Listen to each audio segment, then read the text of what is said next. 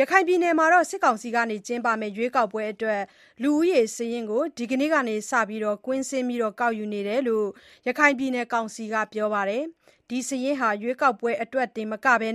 တခြားဒေသတွင်း လူမှုဖွံ့ဖြိုးတိုးတက်ရေးအတွက်လည်း အသုံးဝင်လိမ့်မယ်လို့ ရခိုင်စစ်ကောင်စီပြောခွင့်ရကပြောပါတယ်။ဒီအကြောင်း သတင်းပေးပို့ထားတာကို ကိုစည်သူကပြောပြပါမယ်။ပြီးခဲ့တဲ့ ၂၀၂၀ ခုနှစ် ရွေးကောက်ပွဲမှာ စာရင်းအမှားတွေရှိခဲ့တယ်ဆိုတဲ့ စွပ်စွဲချက်နဲ့ အာဏာသိမ်းလိုက်တဲ့ စစ်ကောင်စီဟာ အခုနှစ်ဩဂုတ်လမှာရွေးကောက်ပွဲတရပ်ကျင်းပဖို့ပြင်ဆင်နေတာပါ။အဲဒီရွေးကောက်ပွဲအတွက်ရခိုင်ပြည်နယ်အတွင်းလူဦးရေစာရင်းကောက်ယူမှုတွေဒီကနေ့ဇန်နဝါရီလ၉ရက်နေ့မှာစတင်လုပ်ဆောင်တယ်လို့ရခိုင်ပြည်နယ်စစ်ကောင်စီပြောခွင့်ရဦးလှသိန်းကပြောပါတယ်။“လူဦးရေစာရင်းဆိုတာက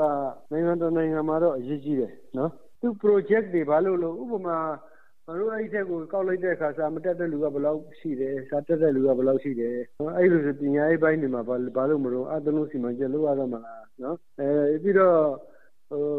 အသက်အရွယ်အားဖြင့်အသက်ကြီးတဲ့သူတွေများတယ်၊အလုပ်လုပ်နေတဲ့သူတွေနိုင်ငံခြားကိုထွက်တာများတယ်စသဖြင့်ဒီစာရင်းတွေလည်းတိုင်းပြည်အတွက်အရေးကြီးတာပေါ့နော်။ဆိုတော့အဲဟာ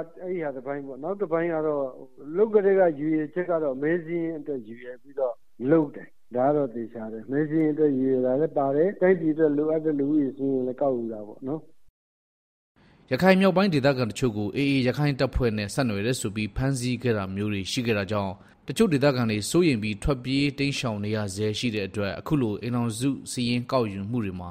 တခြားမလိုလားအပ်တဲ့ အဖမ်းအဆီးတွေ ထပ်ဖြစ်လာမှာကိုလည်း စိုးရိမ်ကြတဲ့ ဒေသခံတွေရှိပါတယ်။လွှတ်တော်ကိုယ်စားလှယ်ဟောင်းတဦးဖြစ်တဲ့ ရခိုင်အရေး လေ့လာသုံးသပ်သူ ဦးဖေသန်းကတော့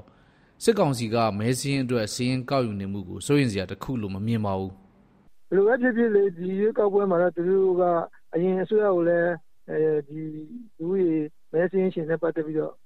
မမှန်မကန်လုပ်တယ်ဆိုပြီးတော့စွပ်စွဲခဲ့တာတွေရှိတယ်။အဲလိုအကြောင်းပြချက်နဲ့အာဏာသိမ်းခဲ့တာတွေရှိတယ်။ဆိုတော့ဒီတခေါက်မှာတော့သူတို့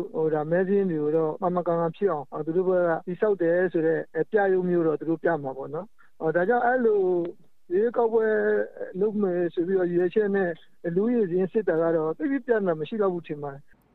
ပြီးခဲ့တဲ့၂၀၂၀ရွေးကောက်ပွဲတုန်းကတော့ရခိုင်ပြည်နယ်ကတချို့မြို့နယ်တွေမှာလုံခြုံရေးအရရွေးကောက်ပွဲမကျင်းပနိုင်ခဲ့ပါဘူး။အခုတော့လတ်တလောအားဖြင့် AA ရက္ခိုင့်တပ်ဖွဲ့နဲ့စစ်ကောင်စီကြားနှုတ်အားဖြင့်အပစ်အခတ်ရပ်စဲရေးယူထားပါတယ်။ AA အပါအဝင်ညီနောင်သုံးဖွဲ့ရဲ့နှစ်သစ်ကူးထုတ်ပြန်ချက်ထဲမှာတော့အခြားတော်လှန်ရေးအဖွဲ့အစည်းတွေနဲ့စစ်အာဏာရှင်စနစ်ကိုတွန်းလှန်တိုက်ဖျက်သွားမယ်လို့သန္နိဋ္ဌာန်ပြုဖော်ပြထားပေမဲ့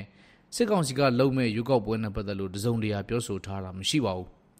နွေဦးတော်လှန်ရေးနောက်ပိုင်းပေါ်လာတဲ့တော်လှန်ရေးအဖွဲ့အစည်းတွေနဲ့ KIA ကချင်လွတ်လပ်ရေးတပ်အပါအဝင်အဓိကတိုင်းရင်းသားလက်နက်ကိုင်အများစုကတော့ဒီရွေးကောက်ပွဲဟာတရားဝင်မှုမရှိဘူးလို့တုံ့ပြန်နေကြပါတယ်။အမေရိကန်နိုင်ငံခြားရေးဝန်ကြီး Antony Blinken ကလည်းစစ်ကောင်စီကျင်းပမယ့်ရွေးကောက်ပွဲဟာလွတ်လပ်တရားမျှတတဲ့ရွေးကောက်ပွဲတခုမဖြစ်နိုင်တဲ့အကြောင်းနဲ့